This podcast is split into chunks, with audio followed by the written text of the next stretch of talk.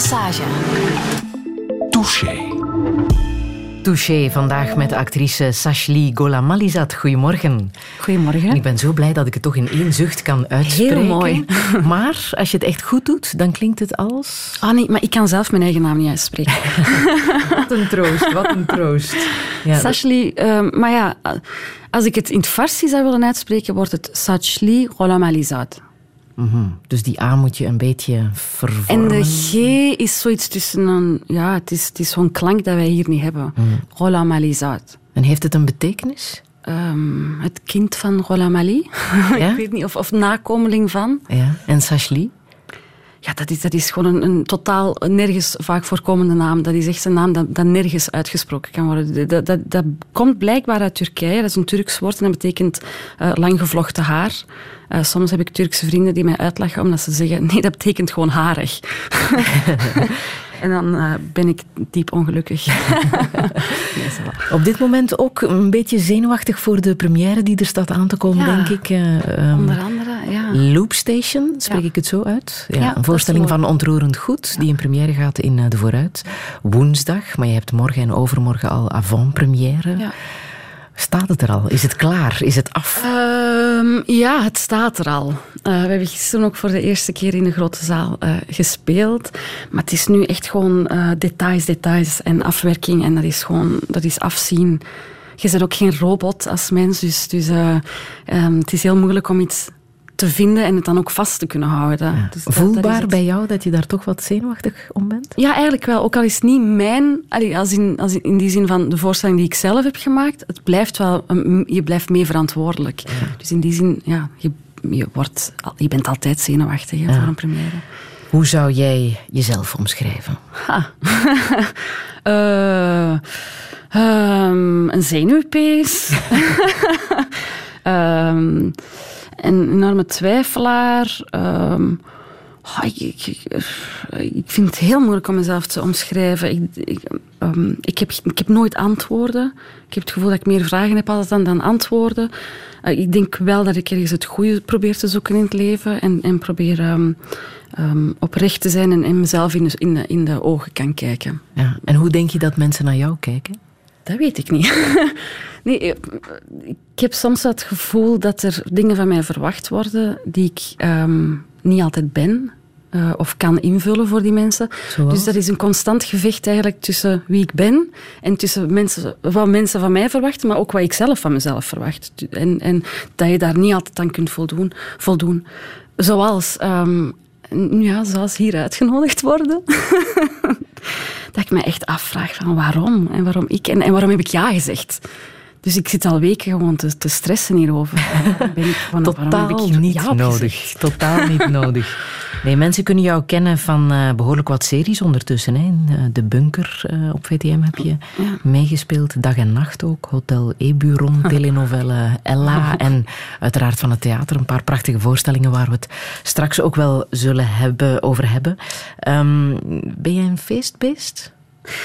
Um, maar ik vind feesten belangrijk. Ik vind feesten... Um, ik, ben, ik voel mijzelf geen feestbeest. En ik feest ook veel te weinig nog. Maar ik feest wel graag. Ik vind het ook heel fijn om... om, om uh, ik zie dat ook als een ritueel van het, van het eren van, van het leven. Mhm. Um, en daarom zou ik gewoon vaker... Uh, die momenten wil inlassen om te feesten. Om, om het leven te eren. Je bent ook een lookalike van uh, Zoual Oh, begint daar alsjeblieft niet over. dat is, dat, ja, spijtig. Gek, hè? Ja. Jullie lijken echt ontzettend goed op elkaar. Hè? Ik word daar echt kwaad van, ja? als mensen dat zeggen tegen ja. mij. Zelfs de tache de beauté hebben jullie allebei. Eh, eh, niks op haar uiterlijk, hè? maar op haar innerlijk. Allee, eh, op haar politiek beleid. Ja? beleid. Daar ben ik absoluut geen voorstander van. Ja. Maar toch bizar dat jullie zo goed op elkaar lijken. Het is ja, het valt mij een hele straffe lookalike. Ja. Dus als er ooit een uh, biopic over haar worden, wordt gemaakt, dan uh, dat weet ik sta je niet. bovenaan de Ik denk niet dat ze daarvoor interessant genoeg is. Mijn excuses daarvoor. Allee, als, als, als, uh, oh, sorry, ik ben al gelijk niet po politiek. nee, ik, ik, ik weet het niet. Ik zou, ik zou het niet willen doen. Ik wou eigenlijk wel een parodie. ja? Hebben jullie elkaar ooit ontmoet? Nee, misschien is het ook een heel aangename, vriendelijke mens, hè, maar, maar um, um, ik hou niet van haar politiek. Iets specifieks? Ehm, ja, ik weet, ik weet het niet. Ik vind dat ze... Nee, op dit moment niet. Moeten wij daarop ingaan? Nee, hè? Komt het nog? Misschien komt het nog. Ja. In ieder geval, blij dat je er bent. Sashli Golamalizat. Radio Friedel Massage.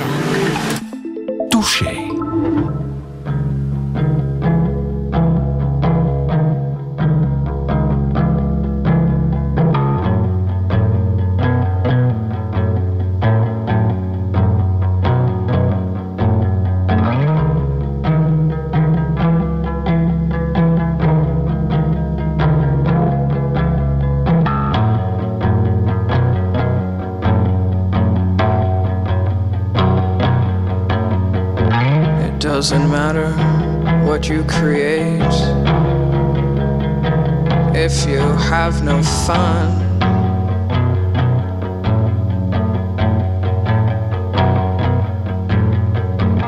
Pretty girl, put down your pen, come over here, I'll show you how it's done.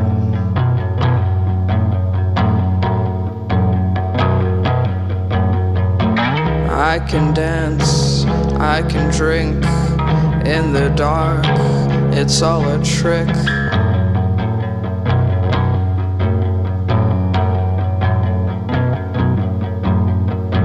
Across the room, across the street, I'm in the moment. Can't you see?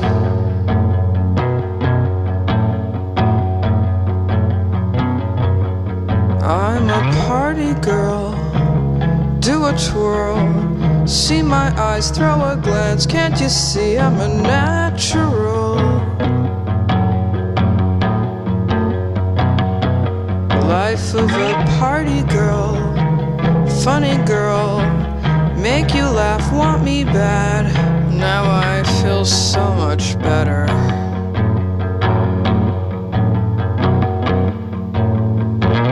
in the back of a car.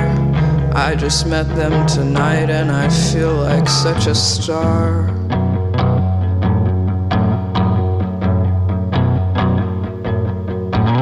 What's your name? What's your art? Nobody knows about my broken heart.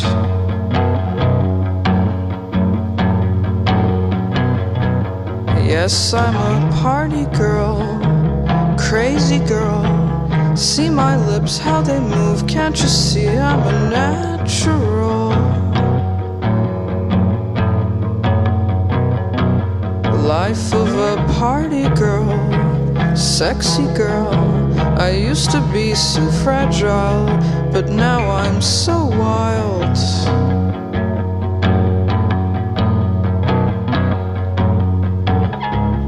What did you do last night? Oh, I was out so late. Now I'm so tired.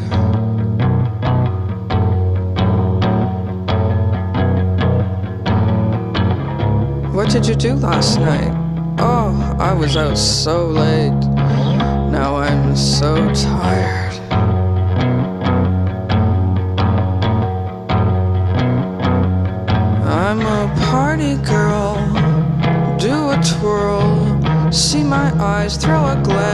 You see I'm a natural?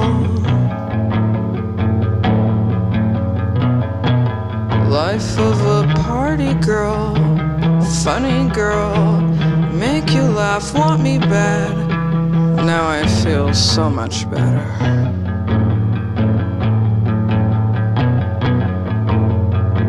I used to cry, but now I don't have the time. Used to be so fragile, but now I'm so wild. I used to cry, but now I don't have the time. I used to be so fragile, but now I'm so wild, so wild. Michelle Gourevich met uh, Party Girl. Het is een uh, Canadese zangeres met uh, Russische roots. Ja. Sashli Golamalizat, jij hebt dit gekozen. Waarom precies? Uh, ik vind haar stem eigenlijk gewoon heel interessant. En, en het, het bezingen van, van de leegheid van, het, van, het, uh, van zo het, het partyleven vond ik ook gewoon iets heel um, moois hebben. En ik, ik vind, ze heeft, eigenlijk haar teksten zijn vaker zo bijna um, ja, gewoon melancholisch. En ze tonen een beetje zo de, de, de wereld waarin dat wij wel vertoeven en, en, het uitgaan en, en het, het mooie van jezelf tonen en eigenlijk jezelf super leeg voelen. Zit er veel gelijkenis met... Uh, met mijn de, leven, nee. met de voorstelling die je nu aan het maken bent, Loop Station, voor Ontroerend Goed. Nee. Waar gaat dat precies over? Uh, dat, uh, Loopstation is uh, een voorstelling van Alexander de Vriend. Dus, um, dat, gaat, dat is meer een ode aan het leven, aan het dagdagelijkse van het bestaan. En, um, en wij hebben dat proberen vorm te geven door op, een, op echt een, een, een, een, een draaiend rad met negen acteurs te staan en, het, en eigenlijk de. Um, het dagdagelijkse weer te vormen. Niet per se het dagdagelijkse, maar het, het, het, het routineuze um, uh, toonbaar te maken. En daar en, de schoonheid van te zien? Want... Ja, en, want eh, wij, wij denken eigenlijk altijd als mens, ook als we elkaar zien, dan praten we altijd over de grote gebeurtenissen die in ons leven voorkomen, maar we hebben het nooit over, oh ja, ik heb weer dezelfde wandeling afgelegd naar mijn school of naar het werk, of uh, ik ik, of ik heb weer hetzelfde gesprek gehad aan tafel met mijn partner. En op zich, wij vinden dat eigenlijk ook niet erg, dat wij, dat wij die, die routines hebben, want dat geeft ook ergens een soort van houvast of zo aan het leven.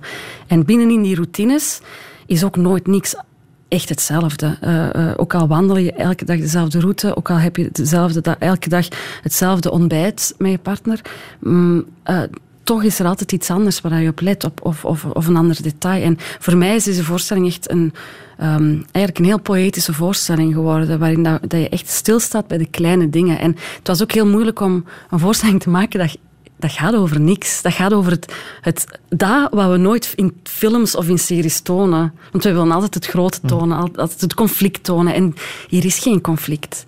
En Wat zijn voor jou in jouw leven de belangrijke routines? Dingen die je graag elke dag doet? Ah, wel, ik, ik ben eigenlijk niet... Ik dacht dat dus dat ik niet iemand van routines was. Ik, ik, ik heb nooit een, een, een, een um, het gevoel gehad dat ik vastzat in routines of, of dat dingen zich herhaalden bij mij.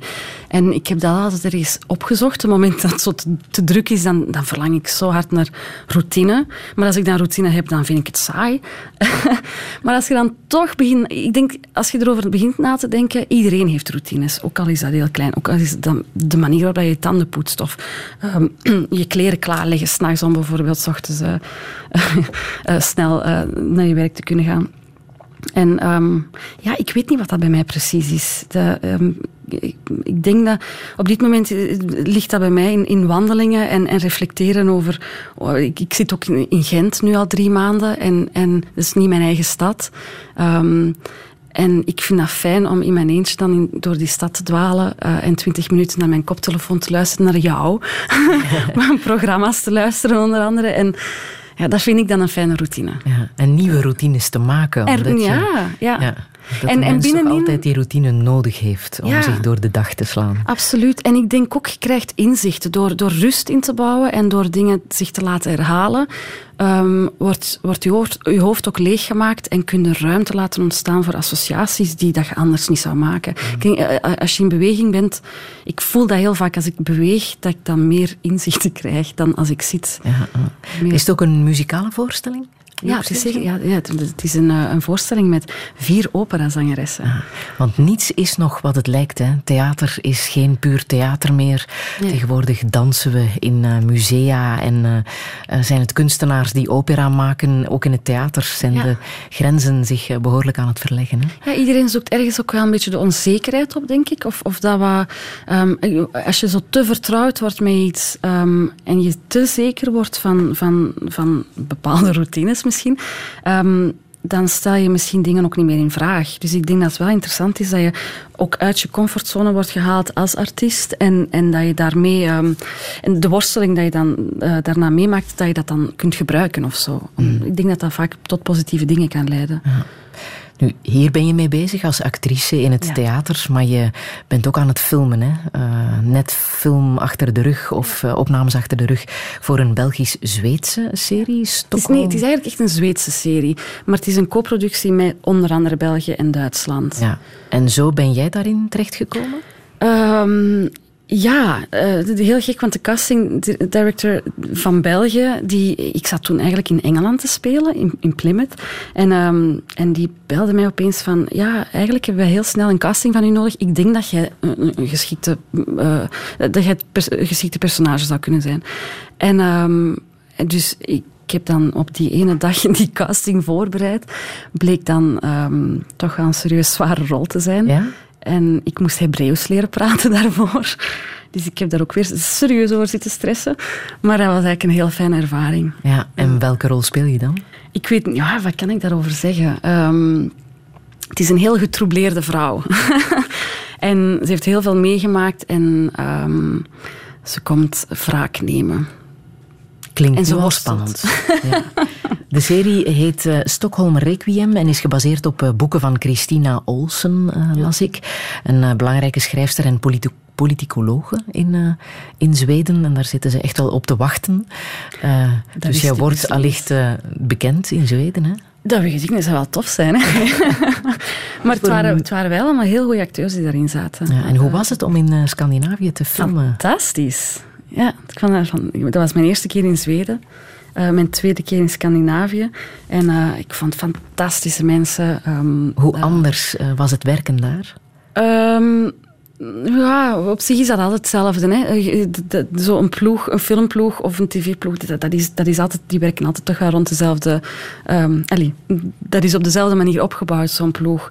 Dus dat was daar niet anders aan. Dat was een vrouwelijke regisseuse ehm, die, die heel erg ook samen met ons zat om... om ehm, om te blijven nadenken. Om, eh, want ja, die scènes die worden dan geschreven door de scenaristen, maar dan de producers hebben er dan ook weer hun, hun zeggen over. En ondertussen hebben dan zo tien mensen hun, hun, hun mening over dat scenario gevormd. En dan is dat scenario uit elkaar getrokken. En dan moeten wij dat dan weer in elkaar puzzelen, opdat dat klopt voor ons als acteurs. Maar ja, ik voelde mij daar heel veilig in, dat dat, dat, dat toegelaten werd, dat je daar samen naar op zoek kon gaan om, om dat juist te krijgen. Dus ik vond dat een heel fijne ervaring. Ja. Opnames voor de twaalf, daar ben je nu nog mee bezig? Ja, daar heb ik een gastrol. Ja, Voor, eh, dat is een ja. eh, serie voor één. En eh, gaat over een eh assisenproces, hè, of tenminste over een assisenjury, vandaar Jury, de ja, twaalf. ja. Jij bent een van de juryleden, of, Nee, of ik niet? ben niet eh, een van de juryleden. Dat had mij ook heel tof geleken. maar ik, ben, ik speel een wetsdokter. Ja, natuurlijk een verhaal dat ja, zeker bij ons kan verbeeld worden. Hè, want hier bestaat de Ja. assisenjury Ja. nog Ja. net. Want een Nederlandse collega die vond dat eigenlijk heel grappig dat wij dat nog altijd deden. Ja. In Nederland al afgeschaft sinds 1815, maar wij hebben nog Zo altijd al? uh, assisejuries. Fantastisch. ik zou dat Wat mogen we daarvan verwachten? Ehm, ik weet het niet. Ik heb daar echt maar een kleine rol in. Eh, ik heb nu wel drie dagen gedraaid. Ik vond het fantastisch. Ik denk dat dat een fantastische serie gaat zijn, om eerlijk te zijn. Het zijn ook twee heel goede scenaristen. Bert van Daal en Sanne Nuyens. Ehm, toevallig ook eh, goede vrienden van mij. En, en eh goede regisseur ehm, Wouter Bouvijn. Ik, ik geloof echt... En fantastische acteurs die daarin zitten. Dus ik denk dat dat niet anders kan dan, dan echt gewoon een mooie serie worden. Maar ook weer misdaad, hè? Alle series gaan over misdaad. Hoe komt dat, dat verkoopt, hè? Ja? Mensen willen actie, hè? Mensen willen, willen, willen zien wat ze zelf niet meemaken. Spanning. Ja. Alles behalve routine. Ja, alles behalve routine, voilà. voilà.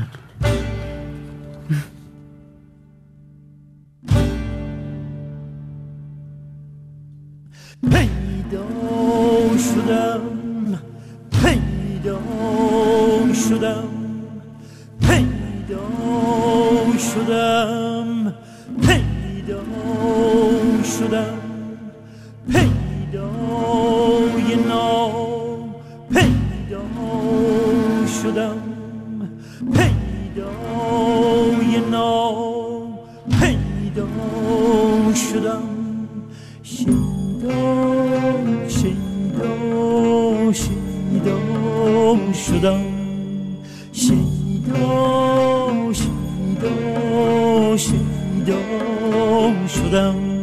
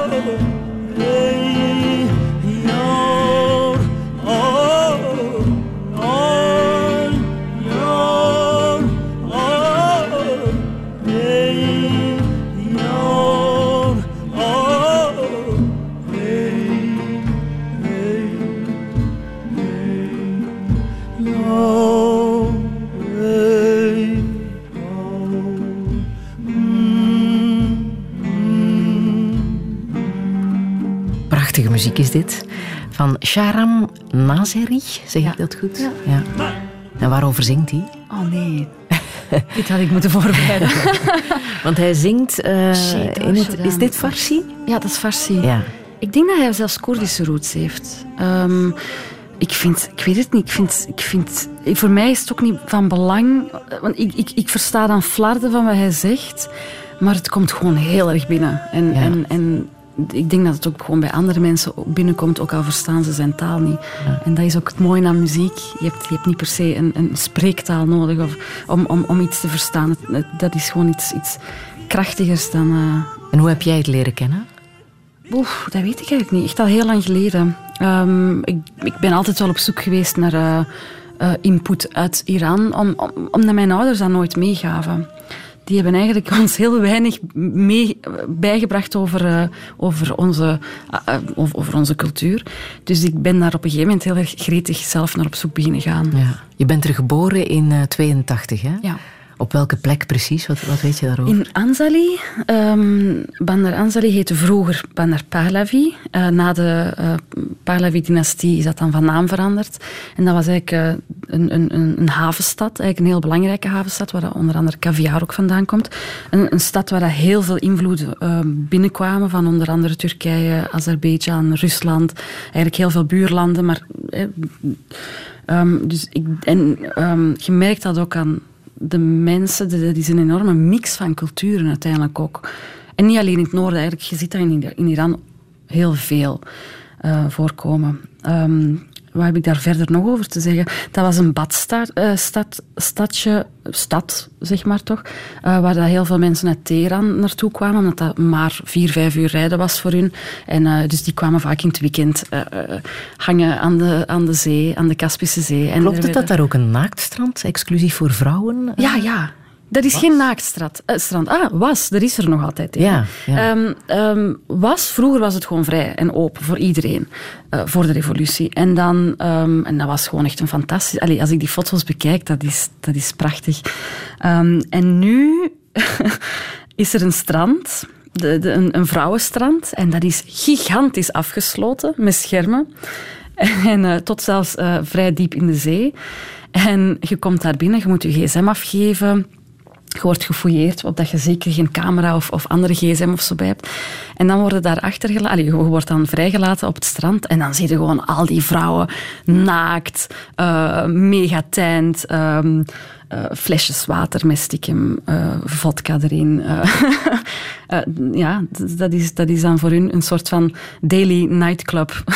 Ja, nu nog altijd. Ja, ja, de laatste keer dat ik dat meemaakte was denk ik een jaar geleden of zo. Of twee jaar geleden, ik weet het niet meer. ja. Wat zegt dat over de vrouwen op dit moment in Iran? Dat zegt eigenlijk zelfs niks over vrouwen op dit moment. Dat zegt gewoon over, vrou- over, over mensen over het algemeen en over onder andere ook vrouwen in Iran. Gewoon, je kunt mensen niet zomaar iets verbieden. De, de, Dat is de natuur. Dat is de natuur. Mensen willen vrij zijn, mensen willen op hun eigen manier ehm, ehm, onderzoeken waar, waar, waar hun grenzen liggen. En, en ja, dat is, dat, is, dat is aan hun zelf om te bepalen waar hun grenzen liggen. Punt. Jij was vijf hè, toen eh, je ouders eh, Iran hebben verlaten.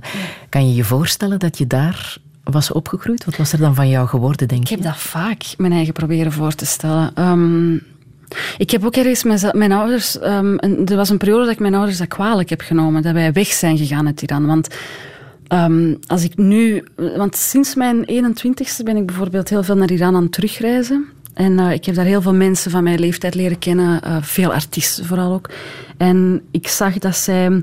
Dus dat zijn mensen die de oorlog wel hebben meegemaakt. Die de Iran-Irak-oorlog hebben doorstaan. Die, de, die na de revolutie eh, in, het, het, in het huidige regime van Iran zijn grootgebracht.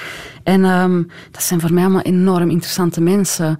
Ehm, heel complexe mensen die wel ehm, kritisch zijn ook naar hun eigen eh, maatschappij, maar die nadenken over het leven, over hun, over hun situatie, over de wereld. En, en ik heb altijd gedacht van, ha, ik ben zo geprivilegeerd. En, en ik wou dat niet zijn. Ik was eigenlijk kwaad op mijn ouders dat ik het gemakkelijk had gehad. Ik voelde mij schuldig naar mijn leeftijdsgenoten in Iran, die daar wel doorheen zijn gegaan en die het wel overleefd hebben. Ja. En hoe zijn je ouders, want die hebben allicht de revolutie van 79 veel bewuster meegemaakt dan, dan jij natuurlijk. Hè?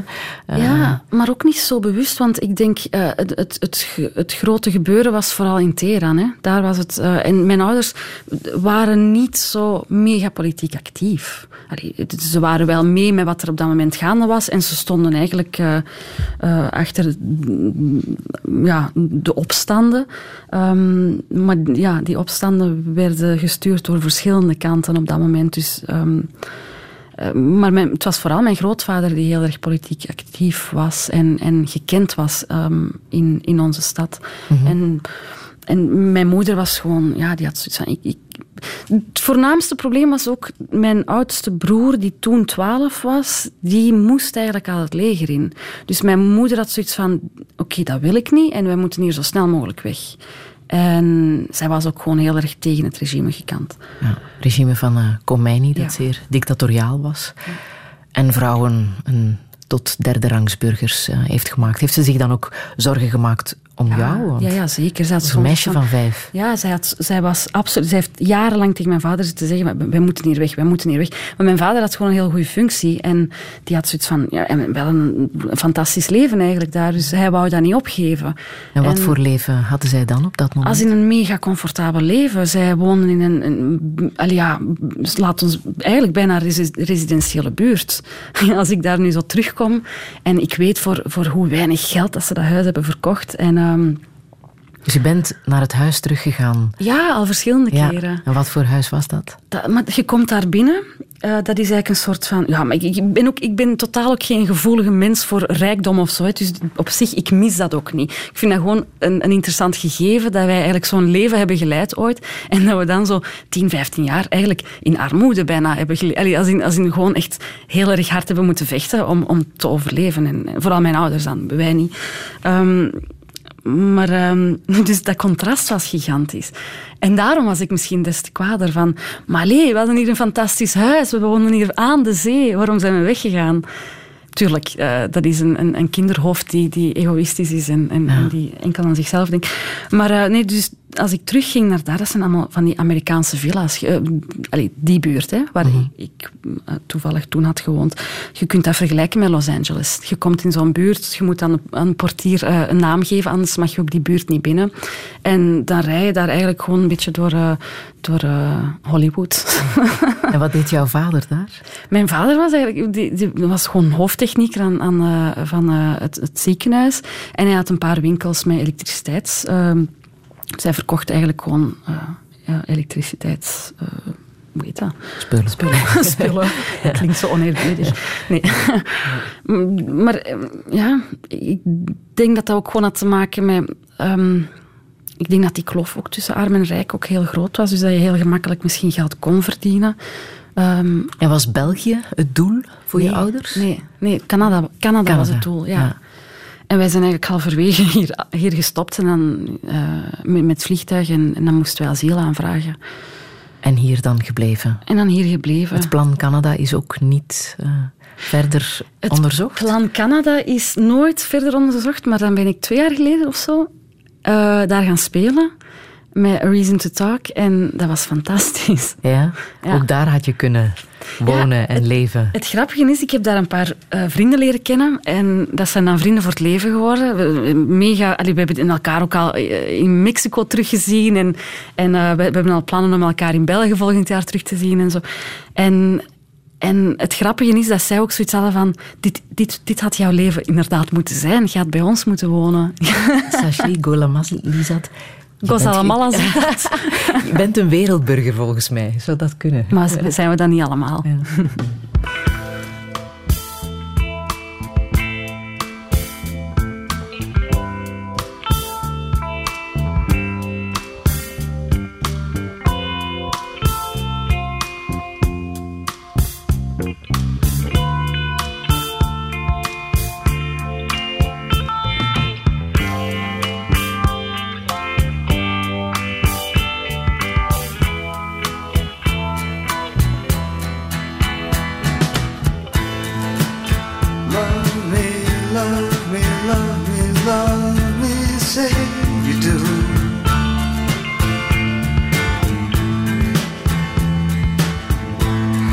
like the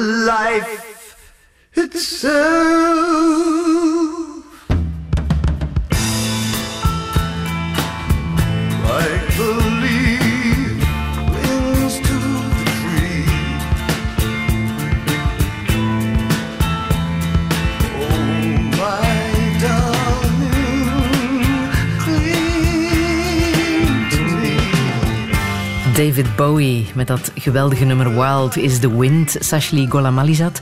Waaraan doet dit nummer jou denken? Brussel. en specifiek? Um, ja, Bowie was een beetje de soundtrack van mijn leven, zo de eerste jaren in Brussel. En, en, um, dus, en dit nummer uh, uh, specifiek was echt gewoon, ja, ik moest dat maar horen en ik werd al helemaal euforisch. En ik denk dat dat ook gewoon een periode was dat je, dat je um, dat je eigen keuzes maakt, dat je los van je familie bent en je, je, je begint eindelijk je identiteit echt vorm te geven. Je, je, kiest je eigen vrienden. En ik vond eigenlijk, voor mij was Brussel de plek waar ik um, mezelf echt het beste heb gevonden. En ook gewoon vrienden heb gebouwd en, en, en leren kennen die toch voor het leven altijd nog, uh, allee, waar ik mm -hmm. nog altijd mee verbonden ben. Je bent begonnen aan uh, het Rits. Ja. Om daar uh, theater te studeren, maar je hebt het niet afgemaakt. Hè? Nee. Hoe, hoe komt dat? Ja, ik heb me dat vaak al afgevraagd. Ik, denk, ik ben gewoon niet gemaakt om uh, in een academisch systeem mee te draaien. Ik denk ook niet, als je mij iets oplegt van materie, van uh, werkt hier of daaraan, dan denk ik van, uh, dan begin ik altijd kregelig te... Dat, dat werkt niet voor mij. Ik moet echt... Um, ik moet uh, zelf in een project geloven om, om mij daar volledig achter te scharen. En dan wil ik daar van alles over opzoeken. Maar ik pas niet binnen een, een, een systeem dat heel erg omkaderd en omlijnd is. Ik denk maar dat, dat je iets met theater wou doen, dat was voor jou wel Dat was duidelijk. al heel vroeg ja. duidelijk, ja. En van wie heb je dat uh, meegekregen, denk je, die liefde voor uh, um, Mijn moeder theater? denkt altijd dat dat komt doordat mijn grootvader uh, um, amateurtheater ah. weliswaar speelde, maar, maar wel politiek amateurtheater. Ah. En ik zie dan foto's van hem... Um, van de zomer zag ik zo foto's van, van hem um, waarin dat hij uh, opgekleed was op een, op een scène en, en dat hij een... Ik weet het niet. Ik weet eigenlijk niet eens wat hij allemaal speelde. Maar blijkbaar toch wel uh, veel toneelstukken had opgevoerd. En welke dromen hadden je ouders voor jou? Wat uh, hadden zij graag gehad dat je um, Ik denk zou zoals worden? bijna alle Iraanse ouders dat je dokter wordt of ingenieur wordt. Dat is Studeren gewoon... is heel erg belangrijk hè? Ja, in Iran. Ja. En het probleem is ook, ik, ik heb een oudere broer die natuurlijk uh, wel heeft verder gestudeerd en hij was het voorbeeld. En, um, Wat is er van hem geworden? onder andere is hij dus CEO van testaankoop in Madrid. ja? Dus die heeft dan toch wel echt die heeft het ver geschopt. Terwijl dat hij vroeger uh, voor het Centrum voor Gelijkheid van Kansen werkte, wat ik eigenlijk nog fijner vond zelfs.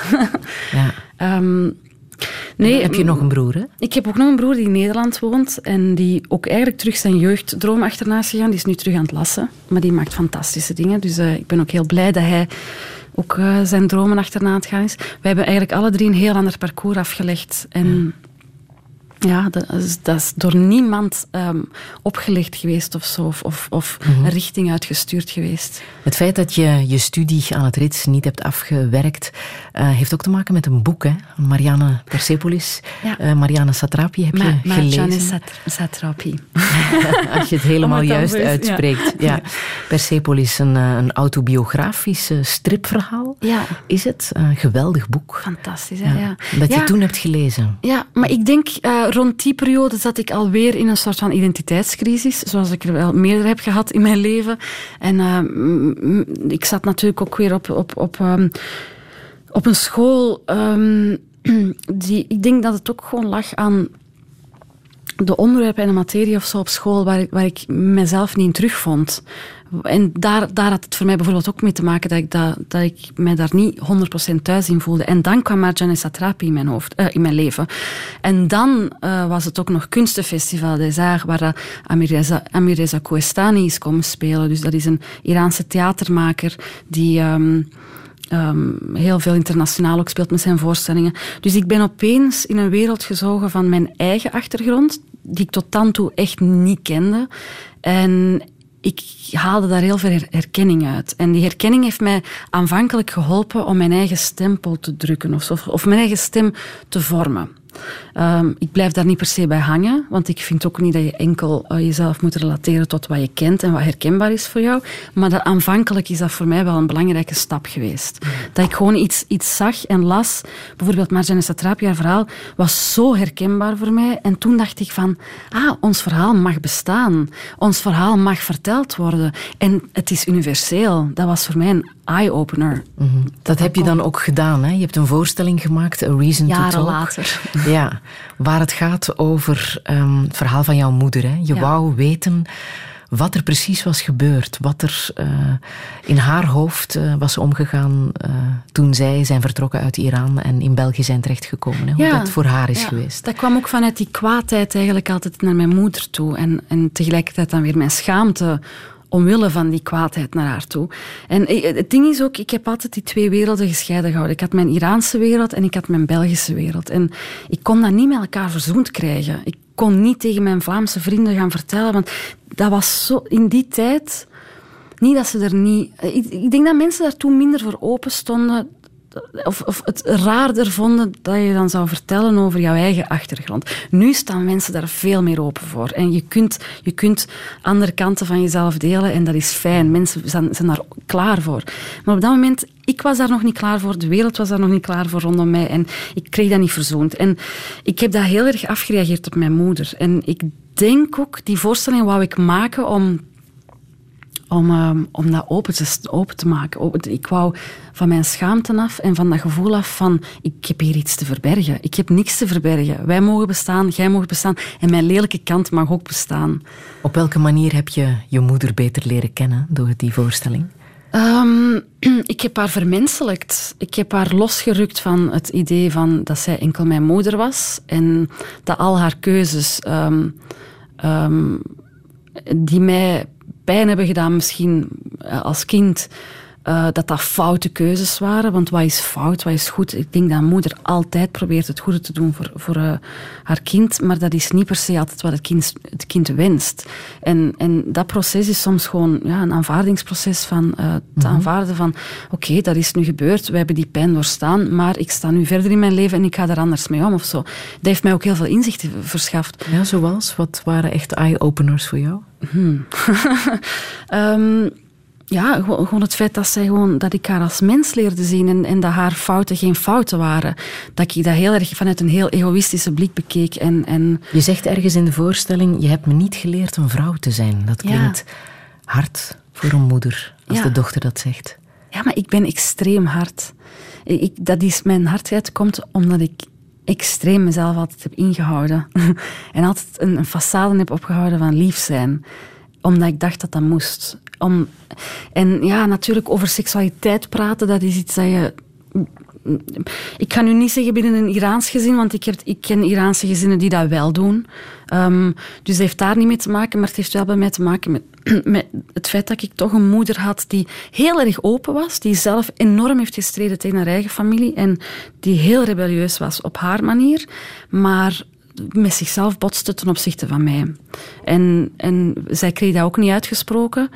En ik, ik versta dat nu, omdat ik zelf ook met dat soort eh, dingen bots van mezelf. Je, je hebt een ideaalbeeld van jezelf, van dit is hoe dat ik wil zijn, maar je kunt die persoon niet altijd zijn. Je botst vaak met je eigen limitaties. Of, uh, en, en ja, dat, dat heb ik wel van mijn moeder leren aanvaarden of zo. Maar mijn moeder heeft gewoon zichzelf altijd heel sterk gehouden. Die heeft haar pijn nooit getoond. Over verliefd zijn en Dat ging niet, dat was- seksualiteit dat was- en dat was onmogelijk, onmogelijke ja. onderwerpen. Ja. Dat was onmogelijk, zeker als 14-jarige, terwijl ik daar toen al eigenlijk nood aan had.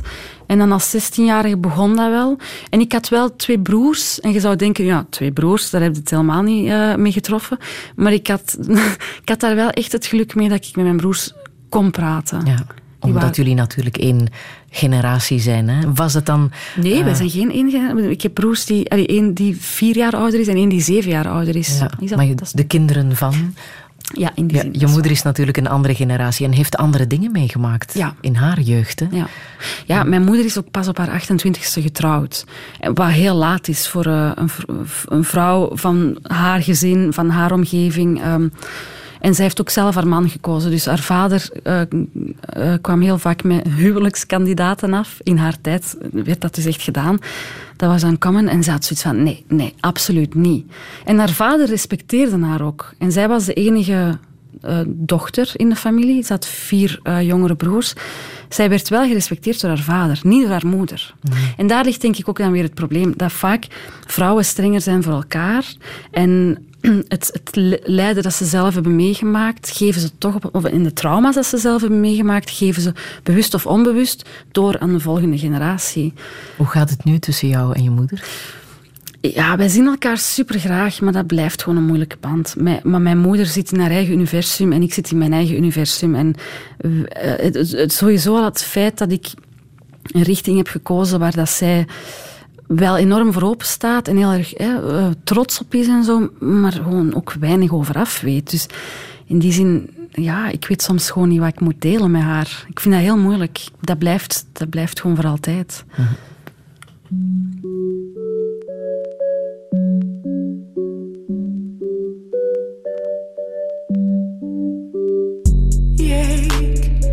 احساس بزرگ میکنه احساس کوچیک نگر میداره بپرس ازم چی کار می‌کنه.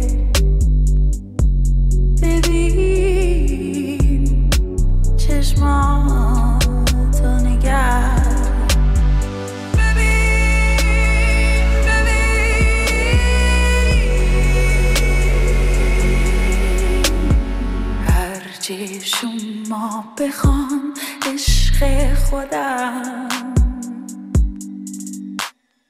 هرچی شما بخوان عشق خودم.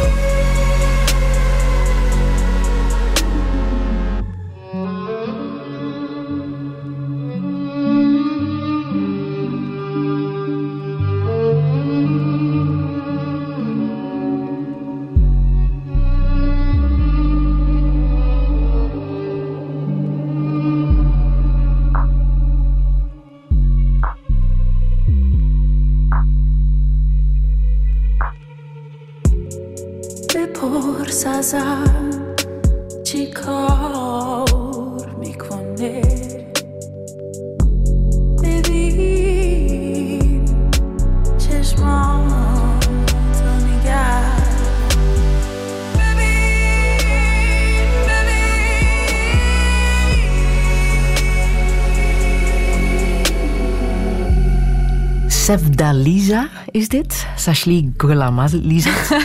zal mij niet lukken tot het einde van de uitzending. Uh, Bebin zingt zij. Het is ook een, een Iraanse uh, die ondertussen in Nederland woont, 30 Die in jaar. Nederland is grootgebracht, Ja. eh, groot geworden, net als ik eigenlijk. Ja, en ondertussen op wereldtournee is. Op dit Ja. moment toert ze in China, Japan. Eh, en fantastische muziek. Ja. Ja, een fantastische stem, fantastisch mooie vrouw. ehm, boeiende, boeiende uitstraling, heel uniek. ehm, en zij is eigenlijk begonnen, oorspronkelijk was zij, ehm, oorspronkelijk dus van, ehm, zij, heeft, zij, heeft, zij was een basketbalster. Ik denk professioneel, denk ik. Ik ben niet 100% zeker. En, ehm, en op een gegeven moment is zij... ja, in de muziek groot. Ze hebben eigenlijk al langer iets met muziek doen. En, en, en dan is dat beginnen te rollen. En ik heb die eigenlijk toch al een paar jaar geleden leren kennen. Toen dat ze nog, nog eigenlijk in de luwte zo wat, naam begon, te- begon te krijgen. Maar nu, opeens op één jaar tijd, is hij gigantisch bekend geworden. En ze is, ze is, het, allee, ja, ze is het echt waard. Ja. Echt Wat goed bewonder je het meest aan haar? haar durf, haar durf om, om gewoon ehm, eh, te breken met denkkaders en, en verwachtingen. En, en, ehm, Dit is ook een protestlied trouwens. Hè? oei, Dat gaat over ja, de eh, dingen die op dit moment in Iran aan het gebeuren zijn. De, de dat toestand. wist ik zelfs ja. niet eens. Of misschien wist ik dat ooit wel. Babyin betekent kijk. Mhm. Hm. Maar ik vind, ik, ik vind haar teksten ook, ja, om eerlijk te zijn, ik kan daar nog geen steek eh, van, hoe zeg je dat? Steek uithalen? Steek van maken? Nee. ik haal dat, nee, wacht. Maakt niet uit. Kunnen we terugspelen? Nee, het gaat niet. Dat is live. Nee, ik, ik vind dat soms... eh, ehm, ik denk dat zij ook haar eigen... Dat, dat vind ik het mooie eraan, want haar farsi is ook niet meer perfect, denk ik, net als die van mij. Dus zij maakt haar eigen taal. En zij vormt haar eigen zinnen. En dat gaf mij ook een beetje de moed om van, kijk, het kan. Ja. Uh, dus dan kan ik dat ook doen. Ik heb ook nog uh, prachtige filmmuziek klaarstaan uit Call Me By Your Name. Ah. Die film heb jij gezien. Ja. Een film die een uh, Oscar heeft gewonnen voor het uh, best bewerkte scenario. James ja. Ivory ja. heeft dat gedaan. Wat heeft jou zo aangesproken in die film? Um, nu, dat is nu toevallig een film dat ik onlangs heb gezien die ik fantastisch vond. Voor mij is gewoon liefde universeel. Of dat dan nu homoseksuele liefde is of, of heteroseksuele liefde. En ik vind Daar dat gaat heel het over, hè? Jongetje Daar gaat het over. Dat en, ontdekt dat voilà. hij homo is. Ja, ja. en... en um, en dat gaat echt over de ontdekking ook van je seksualiteit en daar durven ook voor te gaan zonder, zonder angst en, en, en gesteund worden door je familie daarin. Dat vond ik ook iets heel moois. Dat, dat, ik weet niet of je de film hebt gezien. Nee, nog niet. Er zijn mensen die, die, die ook de film misschien niet zo fantastisch vonden. Ik heb er al gesprekken over gevoerd met mensen die dat niet zo mooi vonden. Maar ik, ik heb er heel veel aan gehad en ik heb met elke scène heb ik meegeleefd. En, en uh, die eindscène ook tussen de vader en de zoon vond ik prachtig. Ja.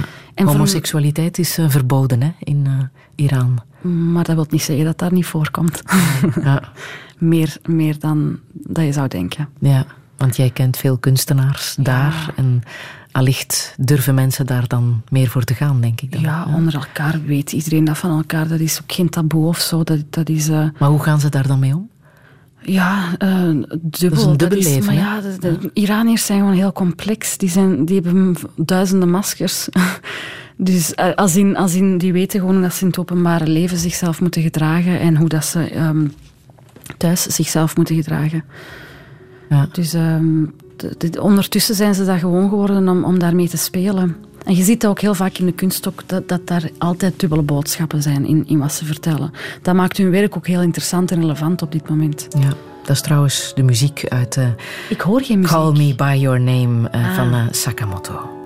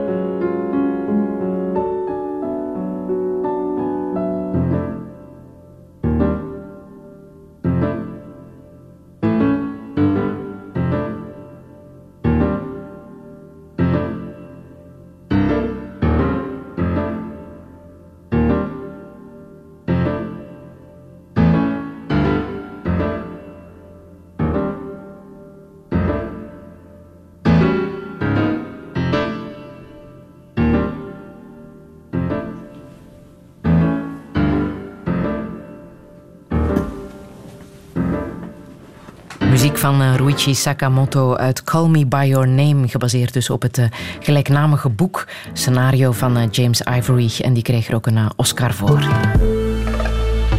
Radio 1. 1. Friedel Lassage. Touché. Touché vandaag met actrice Sashli Golamalizat. Hoewel haar ouders zeer graag wilden dat ze universitaire studies ging doen, werd ze actrice. Ze begon aan het Rits, maar een reis naar haar roots in Iran werd uiteindelijk de echte leerschool van haar leven. Daar zag ze waar ze vandaan kwam en vooral wie ze wou worden. Ze werd haar eigen leermeester, maakte voorstellingen over haar moeder en familie en is ondertussen een internationaal gevraagde actrice. Klinkt groots, hè? Ja.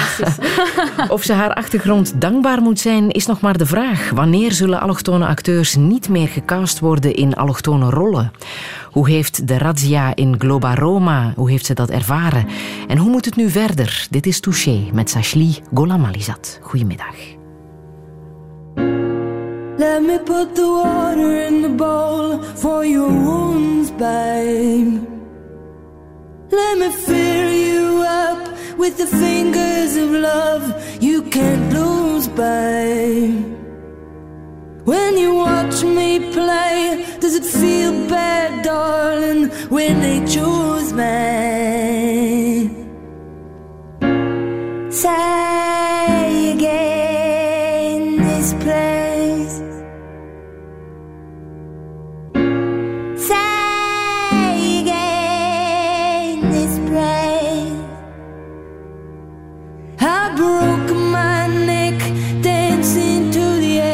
of the world, by My mind.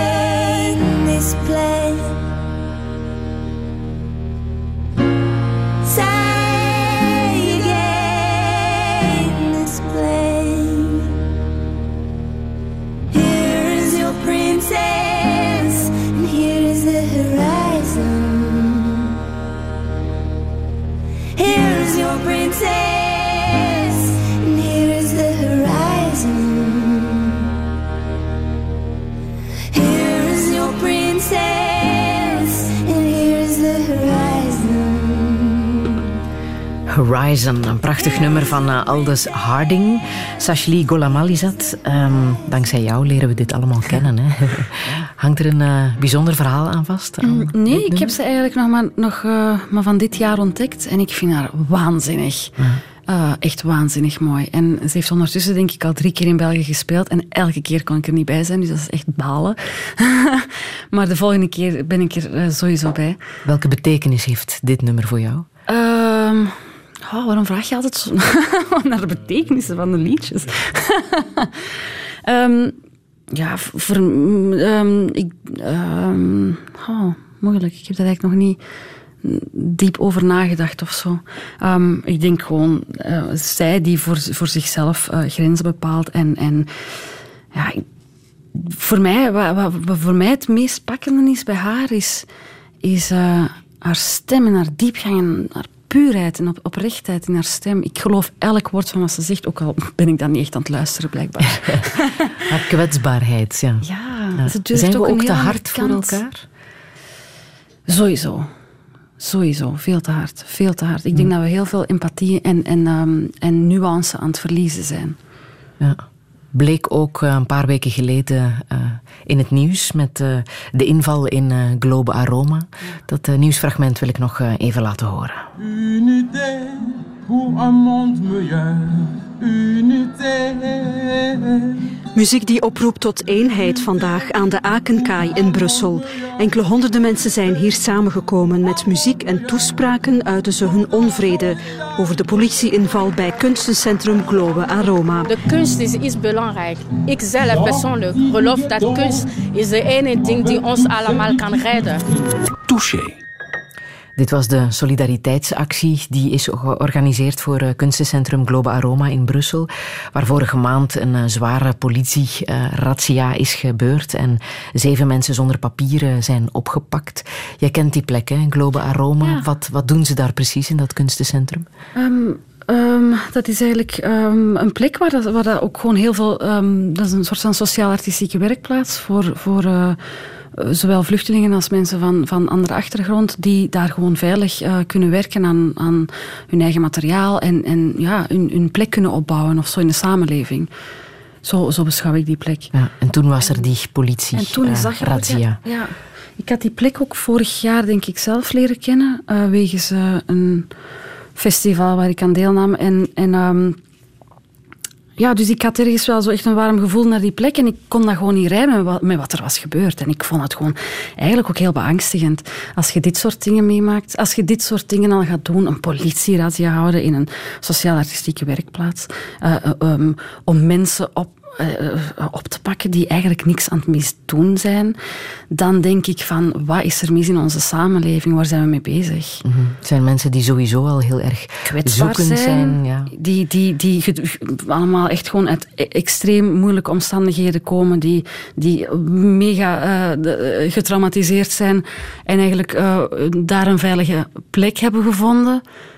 Ik kan dat gewoon niet rijmen met elkaar. Mm -hmm. Ik vind dat ook een mens uh, onwaardig. Ja. Dat we op die manier omgaan met vluchtelingen. Ja.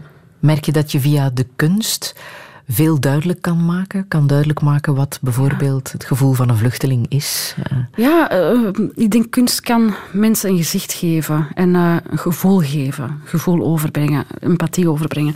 En ik denk dat we daar nood, nood aan hebben, omdat we ja, vaak gewoon in alles moet heel snel gaan. Je kijkt naar tv, alles moet allemaal heel in, in korte woorden omschreven worden. En je, je, spreekt over mensen in termen die niet meer menselijk zijn bijna. En, en op den duur kun je ook heel gemakkelijk loskoppelen van het, van het gevoel van, ah ja, dat zijn ook mensen. Wij willen niet kijken naar waar het probleem vandaan komt. Wij kijken naar, zij komen hier binnendringen en zij komen onze rust verstoren. Dat is eigenlijk ook wat, wat eigenlijk uh, polariserende politici proberen ons wijs te maken. En, en um, het probleem is dat we dan eigenlijk de echte problemen van, van een maatschappij dan daardoor een beetje in de hoek gaan schuiven en dan een soort van zondebok gaan zoeken van ah ja, daar ligt het probleem. Zo gaan we het probleem gaan oplossen. Ik vind dat gewoon vals. Ja. Ik kan daar niet goed tegen. En zo eenvoudig zit het ook niet. En zo eenvoudig zit het leven in elkaar. En dat, ik denk dat kunst dan kan helpen om complexiteit te bieden. Om te om mensen te doen beseffen van um, kijk nu in je eigen spiegel en, en um, ja, aanvaard de complexiteit ook van het leven. Het is niet gemakkelijk en blijf zoeken. Ja. Om een voorbeeld te geven, je bent bijvoorbeeld heel erg gefascineerd door het werk Jesus van uh, Jimmy Durham. Oh, Daar zit ja. misschien ook heel veel in dat daarmee te maken heeft. Hè? Hoe wij bijvoorbeeld naar het beeld van Jezus kijken. Hij heeft daar ja, een, een, tweeledig beeld van gemaakt. Aan de ene kant uh, blank, aan de andere kant zwart. Ik zag dat beeld ooit voor het eerst in Muka in Antwerpen. En um, ik vond dat al een heel mooi beeld. En ik heb toen die man zelf, dus de, de, de uh, kunstenaar, was toen zelf aanwezig. En heeft daar toen een rondleiding gegeven. Um, uh, Jimmy Durham. En hij vertelde ook wat voor impact dat, dat beeld heeft gehad, blijkbaar. Hoe, wat voor ruzies en, en discussies daarover zijn ontstaan. Gewoon omdat, omdat hij een beeld heeft genomen dat twee percepties heeft. Dat, dat door een bepaalde bevolking uh, uh, um, als een zwarte wordt voorgesteld en door een ander deel van de bevolking als een witte man wordt voorgesteld. En, en Um, maar het is allemaal perceptie en het is wat wij daarvan invulling, wat voor invulling dat wij daaraan geven. En het maakt het allemaal zo banaal ergens, waar wij om bezig zijn. Het, gaat dan, het wordt zo gereduceerd tot kleur weer. En waardoor dat we weer de essentie verliezen. En, en een soort van ja, het toe-eigenen van een figuur uit ik vind dat iets raars. Ik kan dat soms zo niet vatten. En ik vond dat heel schoon dat, dat iemand als een Jimmy Durham dat in zijn werk zonder woorden gewoon heeft kunnen presenteren, bijna als een, als een knipoog naar de mensen van kijk eens waar wij eigenlijk, waarom zijn wij oorlogen aan het voeren eigenlijk? Waar, waarover gaat dit allemaal? Puur omwille van um, toe-eigening en perceptie of zo. Kan jij zeggen als actrice dat jij volledig wordt uh, gerespecteerd, uh, bekeken wordt om wie je bent, wat je kan, uh, dat jouw blijft, talent? Dat blijft gewoon iets moeilijks. Ik denk altijd, je moet dat voor je eigen leren opeisen. Dus als je zelf gelooft in je eigen van, van ik ben, als je voor je eigen opeist van ik word gerespecteerd en ik ben veelzijdig, dan zal dat op een gegeven moment ook wel um, gebeuren. Het is wel gewoon zo dat dat een heel lange zoektocht is geweest voor mij in mijn eigen geval, um, om gezien te worden voor de veelzijdige persoon, als in veelzijdig, allee, veel, veelzijdig als in dat ik meer ben dan enkel mijn cultuur en achtergrond. Um, dat, heeft gewoon dat, dat heeft heel veel tijd gekost en dat kost nog altijd tijd. Nu moet ik ook wel toegeven, ik zit wel in een geprivilegeerde uh, situatie doordat ik nu deel uitmaak van de KVS, doordat ik nu deel uitmaak onder andere van de Vooruit. Dus ik, ik heb eigenlijk een hele mooie functie op dit moment en ik mag daar ook niet ik, ik kan nu niet met mezelf nog in het slachtofferrolletje uh, wurmen. Maar ehm, het blijft wel bestaan. Het probleem dat wij ehm, mensen van kleur niet als volwaardig beschouwen. En dat is echt wel een probleem. Er is nu ook terug een discussie rond de voorstelling Leopold II van Hugo Claus. Die is hernomen in uh, de KVS. Uh, je hebt die discussie gevolgd, hè? Wat, ja, wat... Ik, ik, moet wel zeggen, ik zat natuurlijk in Gent midden in mijn eigen repetities. Uh, ik denk dat ik het allemaal pas een paar dagen later ben te weten gekomen. Ik denk dat niet, dat, dat was zo. Um, ik heb nu... Um, uh, een paar stemmen wel gehoord. Uh, en ik snap wel wat er aan de hand is. Ik bedoel, je kunt... Op, het is een heel moeilijke discussie, hè? maar um, in de eerste plaats... over... Die gaat over ja, het, het soort van... kijk, er zijn mensen van kleur die, die in België wonen, die dat we niet kunnen ontkennen en die eigenlijk ook deel uitmaken van de kunstinstellingen tegenwoordig. Dus dat is al een fantastisch gegeven. En, en um, zij dragen een, een, een, um, trauma met zich mee dat hun culturen nooit naar waarde zijn geschat en dat ze gekoloniseerd zijn, onder andere door landen als België. Um, en dat dat nooit een plaats heeft gekregen in de geschiedenis. In de geschiedenis van, van ons, België, terwijl dat eigenlijk wel noodzakelijk was. En als er dan een voorstelling wordt ge, gepresenteerd over bijvoorbeeld Leopold II, en die man wordt eigenlijk vermenselijkt opgevoerd. Ik, ik, probeer een beetje genuanceerd te zijn, want die voorstelling is van 2003. Ik heb die voorstelling ook toen gezien. Nu heb ik die niet meer gezien, dus ik heb daar maar flarden nog van, van die voorstelling. En ik vind dat ook fantastische acteurs en een fantastische regisseur, uh, waar ik allemaal sowieso respect voor heb. Maar er is op dit moment gewoon iets gaande in België dat we niet kunnen ontdekken, uh, ontdekken ontkennen. ontkennen uh, en um, mensen zijn kwaad, mensen zijn um, gefrustreerd en mensen zijn teleurgesteld. En ik denk wel dat we moeten leren luisteren naar wat er gaande is. Dat we het niet moeten gaan afwimpelen als oh, jullie hebben een probleem, dat is jullie probleem, los het zelf maar op. Mensen zijn gepijnigd en we moeten gewoon even luisteren van oké, okay, waarom zijn, we zijn jullie gepijnigd? Laat ons een oplossing zoeken samen. Hmm, dan gaat Ik het over niet een rol in van een uh, zwarte die niks uh, Ja, onder andere, zegt het gaat daarover, het gaat over blackface. Ja. En dat, dat heeft allemaal gewoon een, een, een heel verleden. En dat, heeft, dat, dat weegt gewoon heel zwaar voor uh, niet alleen mensen van kleur, maar er zijn ook steeds meer en meer mensen, witte mensen, die daar begrip voor beginnen tonen. En dat is fantastisch. Ik bedoel, als, als je kijkt, die voorstelling in 2003 heeft eigenlijk helemaal geen hitse veroorzaakt. En nu wel. Dat, wat, dat wil zeggen dat er iets gaande is. Ja. Dat er iets aan het bewegen is. En dat is noodzakelijk. Soms moet het even botsen, denk ik ook wel, dat dingen in gang kunnen worden gezet. En het, het gaat niet over het verbieden van zo'n voorstelling, denk ik ook niet. Ik denk dat, het, dat je het soms moet kaderen en dat je... Ik denk dat soms uh, een van de grote frustraties, denk ik, van die acteur, uh, de regisseur die zijn voorstelling ging tonen, die dan gecanceld heeft, dat het was dat hij voelde dat het publiek ook spotte met zijn cultuur. En er werd wel, uh, het was een soort van satire op, op de blik van de witte man op de zwarte man. Um, maar het publiek zag het niet als een satire. Ik denk dat ze daar ook effectief zelf mee lachten. Dat is wat ik ervan heb gehoord. En ik snap dat dat beledigend kan overkomen voor iemand die daar in de zaal zit. Um, Bij wie ligt volgens jou de verantwoordelijkheid om meer diversiteit in, uh, in theater uh, te krijgen, in denk, film, in, in alles uh, um, wat de kunsten is? Alle kunstinstellingen op zich moeten naar zichzelf gaan kijken en, en naar hun posities gaan kijken. En, en, um, um, en de, bijvoorbeeld in, in theater. Ik, ik, ik zeg het, oh ja, ik vind dat echt een moeilijke. Maar de dag dat jij niet, niet gecast wordt omwille van je Iraanse achtergrond, maar gewoon omdat je goed bent, dan heb je gewonnen? Ja, dat zou fantastisch zijn. Want dat is nu Zoveel toch nog, nog wel niet, altijd. Helaas. Hè? Allee, in de, in de ja. bunker bijvoorbeeld ja. neem je die achtergrond mee. Hè? Dat is een deel van jouw personage. Maar ik heb geen probleem om, mijn, om een achtergrond te spelen. Ik heb een probleem met het feit dat, ik enkel word, uh, dat er enkel rollen worden. Dus dat, uh, waar moet ik beginnen? het, het, probleem ligt onder andere bij scenario-schrijvers. Uh, het ligt onder andere bij productiehuizen. Het ligt onder andere bij casting directors die, die um, enkel uh, als ze een Galit lezen, dat, dat, ze dan pas denken aan, aan een gekleurde man. Snap je? Maar als je dan een, een, een advocatenrol leest, dat, dat, ze dan niet gelijk dat linken met een, met een, een gekleurde man. Dus daar ligt al ergens een probleem. Gelukkig is daar al verandering in gebracht, hè, maar dat, dat, gaat nog traag. En ten tweede, vaak zijn wij bijrollen. Dus wij zijn niet de hoofdrollen waar het grote publiek, de kijker, eh, mee meeleeft. En daar ik denk, als je daar verandering mee... Ik hoef niet altijd een goede persoon te spelen. Ik hoef ook niet altijd... eh, ik vind het fantastisch om complexe personages te spelen. Maar ik wil wel dat, dat daar iets menselijks van wordt gemaakt. Want als wij altijd de ander blijven, ja, dan gaan de mensen ook natuurlijk gewoon ons als ander, anders blijven bestempelen.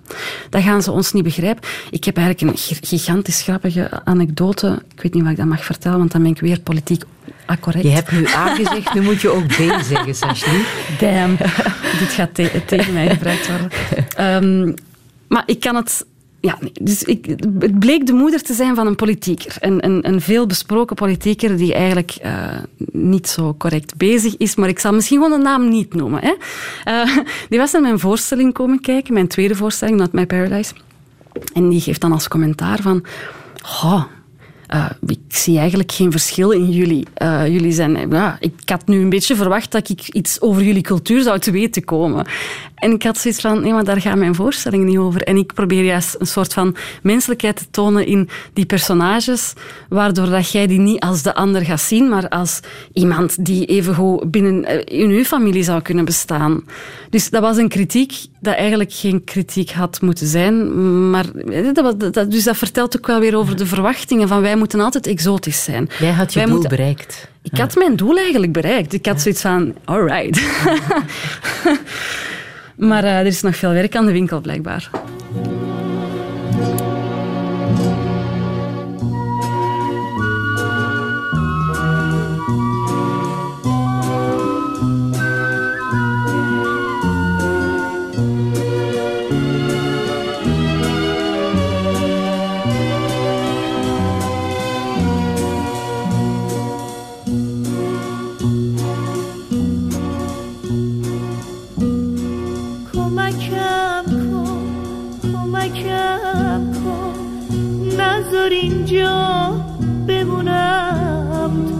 بپوسم.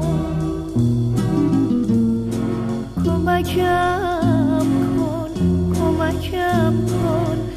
نذار اینجا لب مرگو ببوسم. کمکم کن کمکم کن. عشق نفرینی بی پروایی ماهی چشمه کهنه هوای تازه دریایی می‌خوام.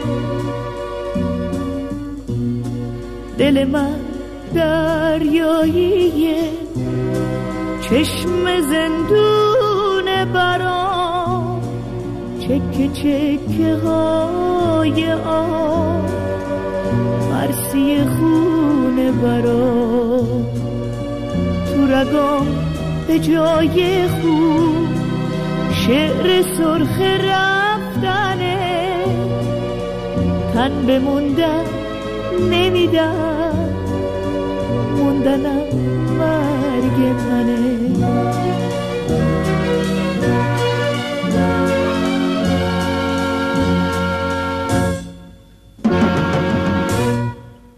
عاشقم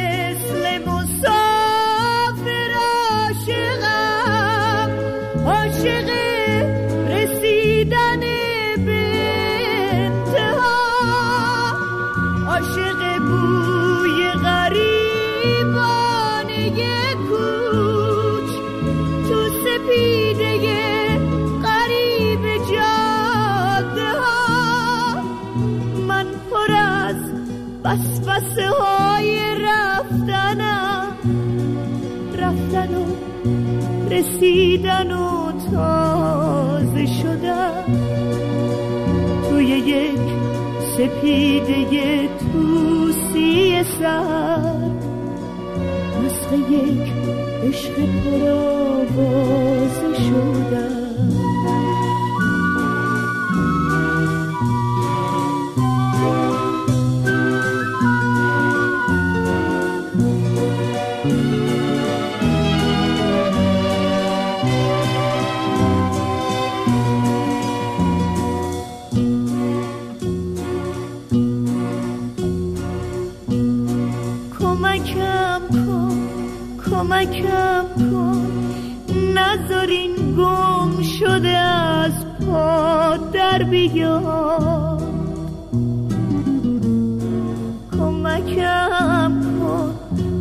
کمکم کن خرمن رخوت من شعله میخواد Koma Kam Kon van eh Gogouche, Sashli Golamalizat. Hier ben je een grote fan van, hè, Gogouche. Wie is hij precies? Zij, hè? Ja. Zij nu hij? Oh, Nee, sorry. zij, zij, zij, zij, zij. Wie is zij precies? Zij is eigenlijk eh, de grote ster van Iran. Eh, als kindster, eh, ehm, al in films, eh, tv, eh, eh, al echt altijd de, hoofdrollen gespeeld. En op een gegeven moment is zij ehm, zangeres geworden. Ongelooflijk bekend geworden, ook eh, voor het Koningshuis regelmatig op- opgetreden. En ehm, eigenlijk nog tot 2000, t- dus tot het jaar 2000 heeft zij in Iran gewoond. Dus na de revolutie, waarna dus vrouwen ook niet meer mochten zingen ehm, in het openbaar, is zij ook effectief gestopt met haar carrière. Maar zij was op het hoogtepunt van haar carrière. Dat is een gigantische ster geweest. Dat was een stijlicoon die... die ehm, Maar is daar dan niet haar- tegen gerebelleerd dat ze ineens hun zangeres kwijt waren? Maar zij hè? was niet de enige zangeres natuurlijk. Op een gegeven moment is iedereen... eh, en ik denk dat zij op dat moment zelfs in Amerika verbleef. Het moment dat de revolutie was ehm, eh, ingezet. ehm, dat het nieuwe regime was ingezet. En dan kwam ze uiteindelijk toch terug. Ze heeft gekozen om toch in Iran te blijven wonen en niet te zingen. Wat ik al een ongelooflijk moedige...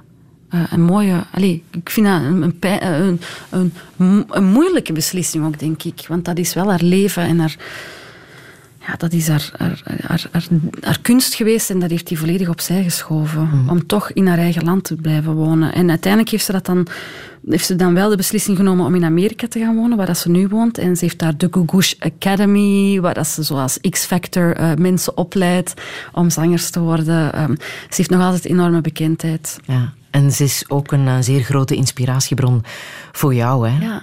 Dit nummer heb ik zelfs gebruikt op het einde van mijn tweede voorstelling, eh, Not My Paradise. Ja. En zo heb je nog eh, Iraanse kunstenaars waar je onderzoek naar doet voor je volgende voorstelling dan.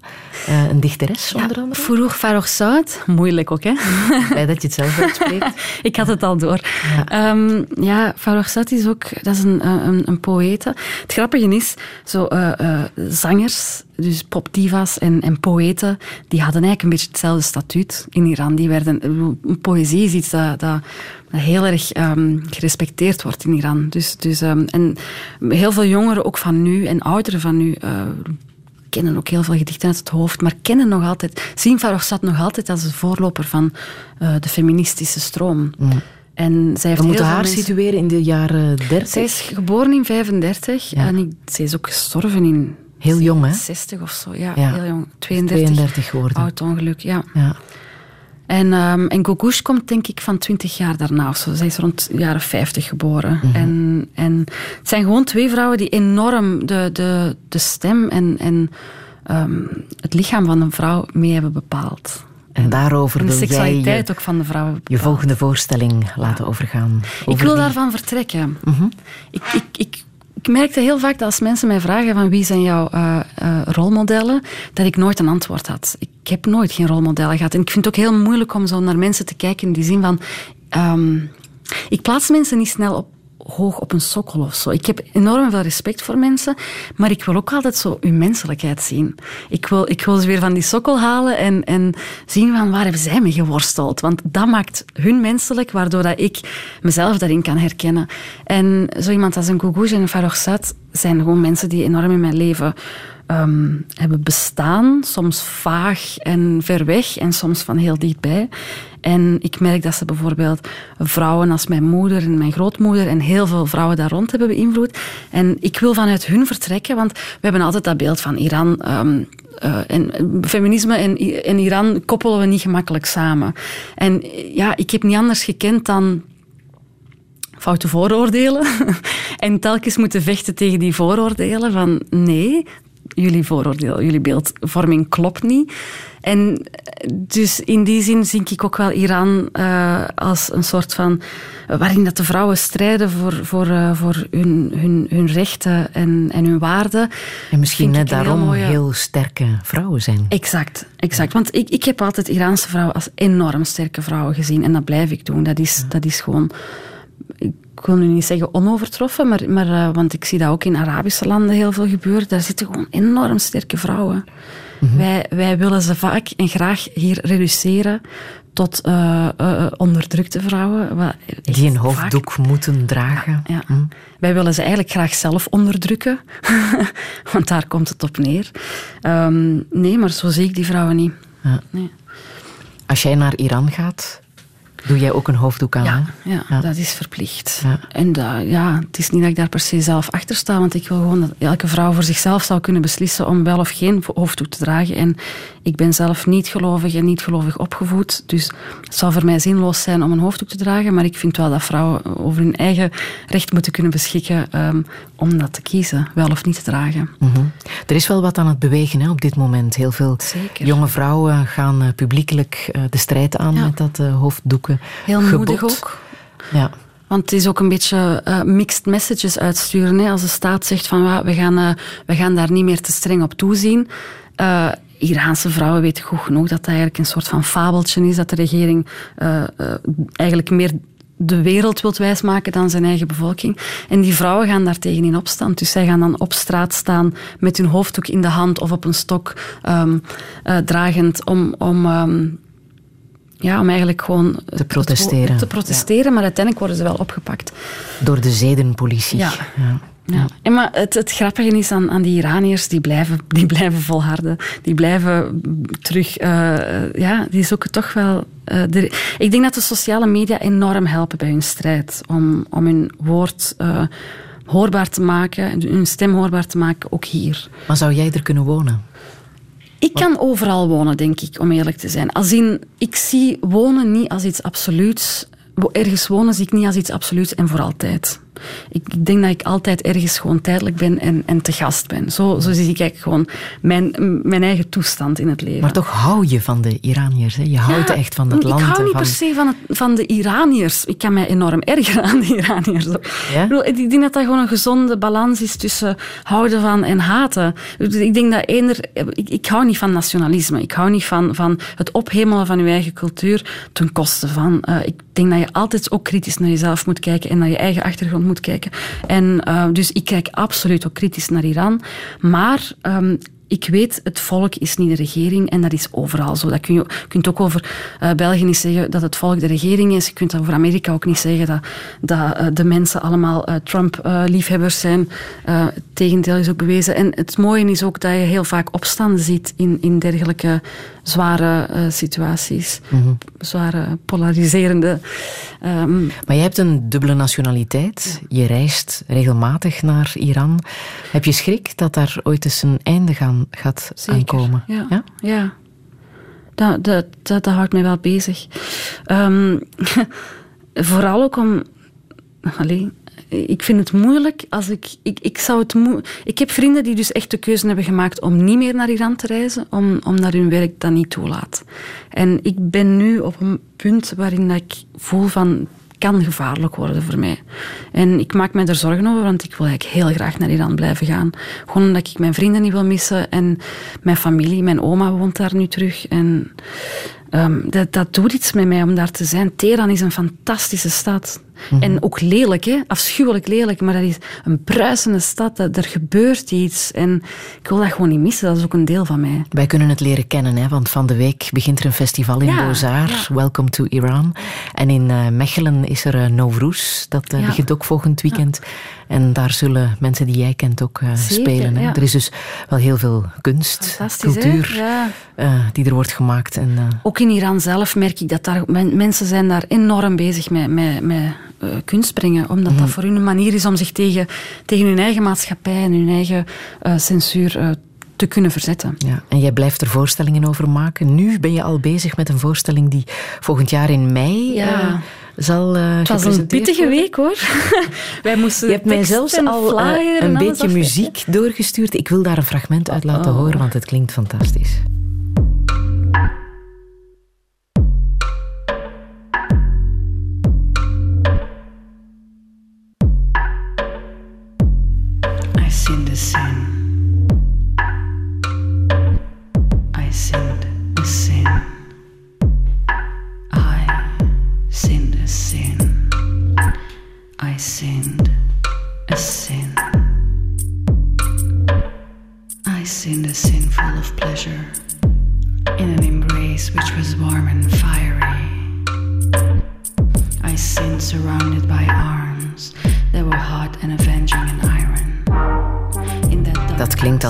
Bijzonder, hè? I sinned a sin. Dat is tekst van Verhoog van Zout. Ja, en daarmee ga je aan de slag. Uh, Onder andere. Ja. Ik, ik, zie, ik zie hun echt als een vertrekpunt. En ik wil eigenlijk het, het feminisme eerst vanuit hun benaderen. Feminisme, dat is ook weer zo'n groot woord. Maar wel hun, hun, hun strijd, hun rebellie vanuit hun kant benaderen. En dat dan doortrekken naar nu, hier en nu. En, en wie de stemmen van nu zijn die, uh, die ons beïnvloeden, eender waar. Heeft het ook met jou te maken? Jouw zoektocht naar wie ben ik eigenlijk? Altijd. Ik denk, um, anders begin ik niet aan een project. Allee, ik vind... De voorstellingen maken helpt mij om het leven beter te begrijpen, om het mens zijn beter te begrijpen. En, en ik denk dat ik ook doorheen een fase moet gaan waarin dat ik deze onderwerpen aan bod moet laten komen om dan weer verder te kunnen gaan en, en, en andere thema's uh, aan te reiken. -hmm. En voor mij is dit nu wel een belangrijk... Ja, ik vind, ik vind ook het, het idee van hoe wij als vrouw in het leven staan, wat er van ons wordt verwacht en hoe dat wij ons daar naartoe schikken of niet, vind ik een heel belangrijk uh, onderwerp. En er is heel veel aan het veranderen en ook uh, op een positieve manier. En ja, het boeit mij ook hoe staan we ten opzichte van relaties, ten opzichte van seksualiteit? Wat, wat ons aangeleerd is qua seksualiteit, is dat eigenlijk waar wij effectief naar op zoek zijn of niet? Ik vind dat een heel boeiend uh, uh, ding om in te vroeten. Zijn dat gespreksonderwerpen bij jou aan de keukentafel met jouw vriend? Ja, onder andere ook. Ja, ja zeker. Ja. Veel geleerd al van hem? Van hem? Of hij van mij? Wederzijds? Allebei van elkaar, ja. Hoe belangrijk is hij? Um, um, mijn vriend is wel een heel belangrijke persoon in mijn leven. Dat heeft vannacht ook wel gebleken, omdat ik uh, een, een, een, moeilijke nacht heb gehad. En hij is speciaal voor mij naar Gent gereden om, om mij toch even bij te staan. De onrustige ziel ja. rustig te maken. Ja. Hij is kunstenaar. Ja. ja. Maar ook gewoon echt, hij is zelf een vrije ziel. En hij, hij hecht ook geen waarde aan... Um, labels en wat dan ook. Maar hij is wel een empathische mens en dat is voor mij wel belangrijk. Mm -hmm. Dat, dat hij um, open staat gewoon voor heel veel. Waarin geloof jij? Ik geloof heel erg wel in mensen. In, in, op, um, in, de, in de echte diepe, in de ziel van mensen, de oprechte. Ik geloof dat mensen in C echt wel goed kunnen zijn. Maar ik denk dat heel veel mensen extreem gepijnigd zijn en dat, dat we daarnaar moeten beginnen luisteren. Mm -hmm. Ik denk dat dat, ja, ik geloof daarin, dat dat kan, kan helpen om, om dit leven draaglijker te maken. Kan jij goed alleen zijn? Ja. Ja, ja, ja maar mijn probleem, ja, ik kan, ik kan helaas heel goed alleen zijn. Maar ik, ik, alleen zijn in het besef dat ik niet alleen ben. Ik hou ervan om, om ja, ik hou eigenlijk niet zo van praten. Dat, dat klinkt raar, hè? Na bijna twee uur ja. touché. aan het aftellen, ja. hè? Nee. Is het een intenser leven als je de dingen alleen doet? Alleen reizen bijvoorbeeld? Wat jij doet, hè? Um, ik, ik, weet niet per se wat dat intenser is. In die zin sta je meer open voor... Oh, ben je ontvankelijker. En je durft... Um, je durft uh, ik vind dat heel erg jezelf tegenkomen vaak. Um, oh, dat klinkt ook zo cliché. Maar um, ik, ik, kom tegelijkertijd ook veel meer mensen tegen als ik alleen ben. Als ik alleen reis. Dus ik, ik leer vaak gewoon mensen van daar kennen. En dan zit ik gewoon helemaal mee ingezogen in... Uh, in een scene in Beirut bijvoorbeeld. En dat vind ik dan fantastisch. En dan kom ik thuis en dan ben ik echt helemaal opgelaten en opgeladen van, van um, een heel nieuwe energie van mensen te ontdekken en ontmoeten. Dat, dat, dat, maakt mij enorm gelukkig. Maar ik heb, dat, ik heb die intensiteit nodig, maar tegelijkertijd heb ik ook enorm nood aan afstand en alleen zijn en het verwerken van alles. Want dat, ver, dat, je verwerkt die intense uh, belevenissen niet zo gemakkelijk. Ik toch niet. Mm -hmm.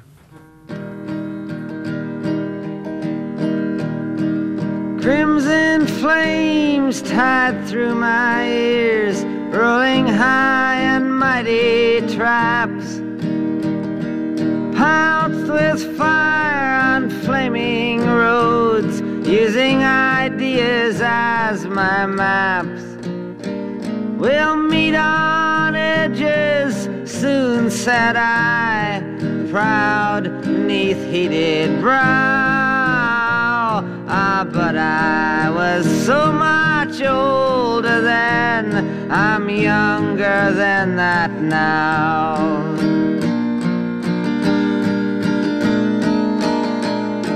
Half-racked prejudice leaped forth, ripped down all hate, I screamed.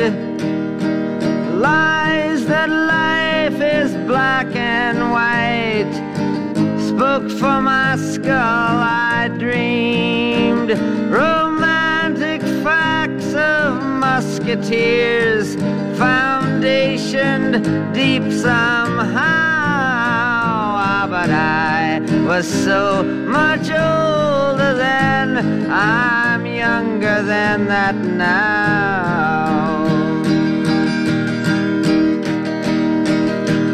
The forward path from phony jealousy to memorizing politics of ancient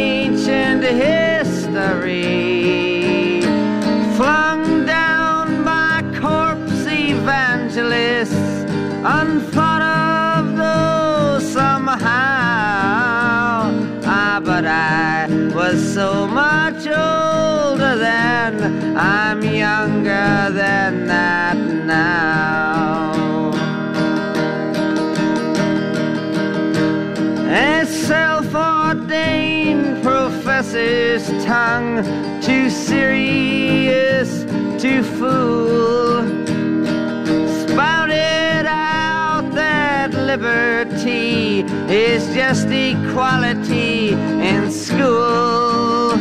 Equality, I spoke the word as if a wedding vow.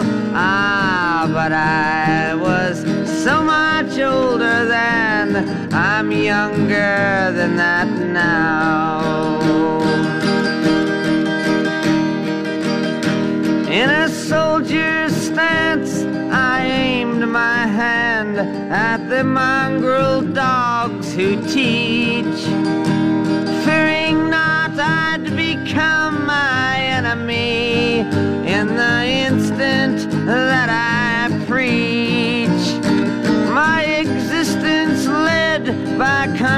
boats, mutiny from stern to bow.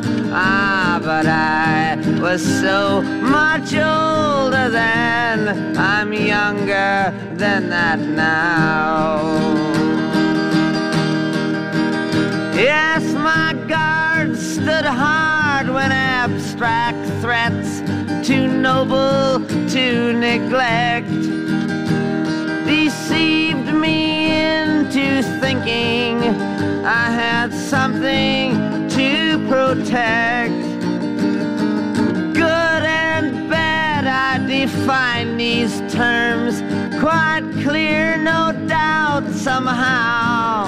Ah, but I was so much older then, I'm younger than that now. My Back Pages van eh, Bob Dylan, Sashli Golamalizat. Verrassende keuze dat jij eh, voor dit nummer gaat. Maar ik ben een heel veelzijdige kunstliefhebber. Maar hij zingt, hoe ouder ik word, hoe jonger ik me voel. Zo oud ben je toch nog niet, hè? Is Ja, het herkenbaar en voor ik jou? vind het enorm herkenbaar, Ja? ja. Ik, heb, ik heb mezelf echt altijd als, als jonge... ehm, ik heb me eigenlijk heel oud gevoeld altijd als ik jong was. En ik kon dat niet plaatsen. En dat was ook een, soort, een vorm, van, vorm van eenzaamheid waarschijnlijk, denk ik. En, en ik kon dat niet communiceren en ik droeg dat in mijzelf. Die pijn of dat verdriet of whatever het was. Ehm, Ehm, en, en ik merkte wel... Dus ik, ik herinner me als ik zo 17, 18 was, zou ik altijd volwassen zijn. En ik wou altijd ouder zijn. Ik vond dat ik als jonge vrouw niet serieus werd genomen. En ik dacht altijd dat je als oudere vrouw eindelijk serieus kon worden genomen. En dat je dan gerespecteerd kon worden. En, en, ehm, maar hoe ouder ik word, hoe, hoe meer ik loslaat van... van ehm, iets te moeten zijn. En steeds meer, en meer eh, ja, een, een, een, een naïviteit toelaat. Of blijf opzoeken van ehm, ontvankelijk te zijn voor dingen die het leven mij aanbiedt. En niet dat ik mij conformeer naar eh, wat de maatschappij van mij verwacht. Of wat eender wie van mij verwacht. En, en ik vind dat een bevrijding. Het is enorm moeilijk. Het is, dat is een dagelijkse zoektocht. Maar ik vind dat wel een noodzakelijke zoektocht. En ja, Je bent net 35 geworden. hè? 36. 36 zelfs. Wat zou je echt nog willen in je leven? Ehm, ik wil nog zoveel. Ik wil extreem veel. Ik wil nog van heel veel verhalen vertellen. Er zijn een paar verhalen op dit moment in mijn hoofd die ik absoluut eh, wil maken. Ooit wil ik eigenlijk stiekem een film maken. Ja? Dat gaat misschien tien jaar duren, maar ehm, het, eh, hopelijk komt dat er ooit van. Ik wil blijven theater maken en ik wil ook in, in relevante en boeiende films kunnen. Ik, wil, ik denk dat ik nog niet het toppunt van mijn kunnen heb bewezen. Aha. Amerika, Ja, zit dat erin? Nee. Amerika eh, zit erin, maar voor andere redenen dan ehm, eh, dat je zou denken. Ik, ik, ik zou daar nu normaal gezien ehm, in september, als alles goed gaat en ik krijg mijn visum, want op dit moment is alles eh, zo vaag en zeker voor mensen met dubbele nationaliteit, van, afkomstig van landen zoals ik, Iran, ehm, is het heel moeilijk geworden om, om, Amerika nog binnen te geraken. Maar ik zou daar heel graag onderzoek willen gaan doen naar onder andere Gugush en uh, Fourouk Farrokhzad, waar dat ook in universitaire studies naar gedaan zijn. En dat is ook een land dat een, een, een, een eh, lange eh, geschiedenis heeft met migratie en ehm, met het, ehm, met, ja, eigenlijk zitten daar enorm veel eh, eh, ja, mensen die, die vroeger eh, in Iran van betekenis zijn geweest en die, dat, die mij nu zouden kunnen helpen in mijn research. Dus het zou enkel voor research zijn. Verder vind ik Amerika niet per se mijn doel.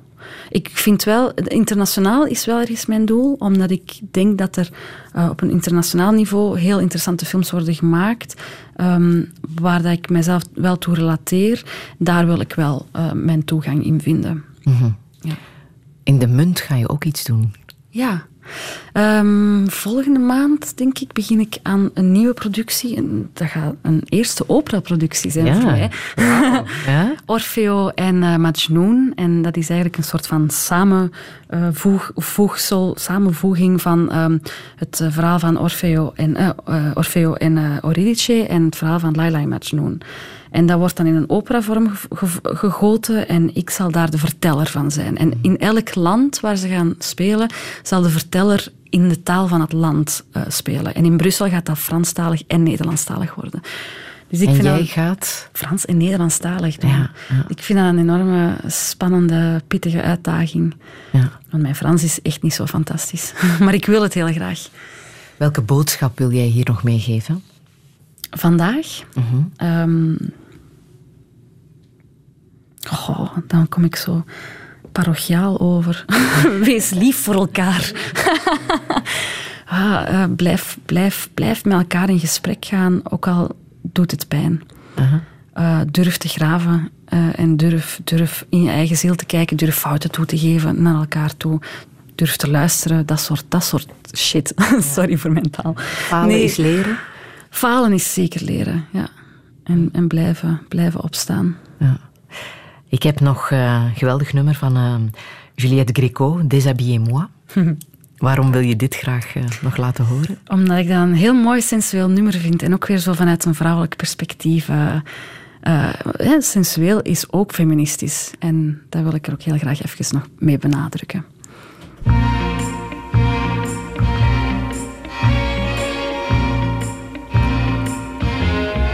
Déshabillez-moi. Déshabillez-moi. Oui, mais pas tout de suite. Pas trop vite. Sachez me convoiter. désirer, me captiver. Déshabillez-moi, déshabillez-moi. Mais ne soyez pas comme tous les hommes trop pressés. Et d'abord le regard, tout le temps du prélude, ne doit pas être rude ni hagard. Dévorez-moi les yeux, mais avec retenue, pour que je m'habitue peu. Déshabillez-moi, déshabillez-moi. Oui, mais pas tout de suite, pas trop vite. Sachez m'hypnotiser, m'envelopper, me capturer.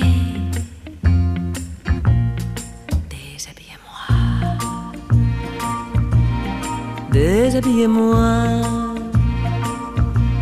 avec délicatesse, en souplesse et doigté. Choisissez bien vos mots, dirigez bien vos gestes, ni trop lent, ni trop leste, sur ma peau.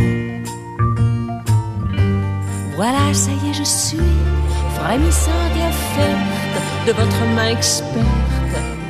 Allez-y. Déshabillez-moi. Déshabillez-moi. Maintenant tout de suite. Allez vite. Sachez me posséder.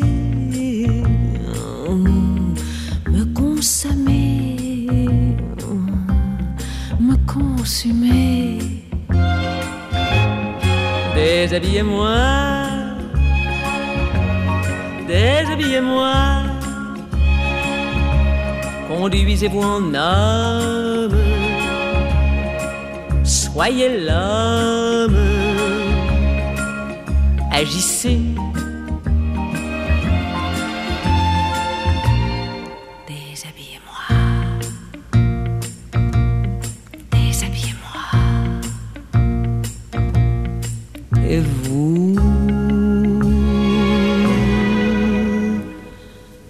Déshabillez-vous.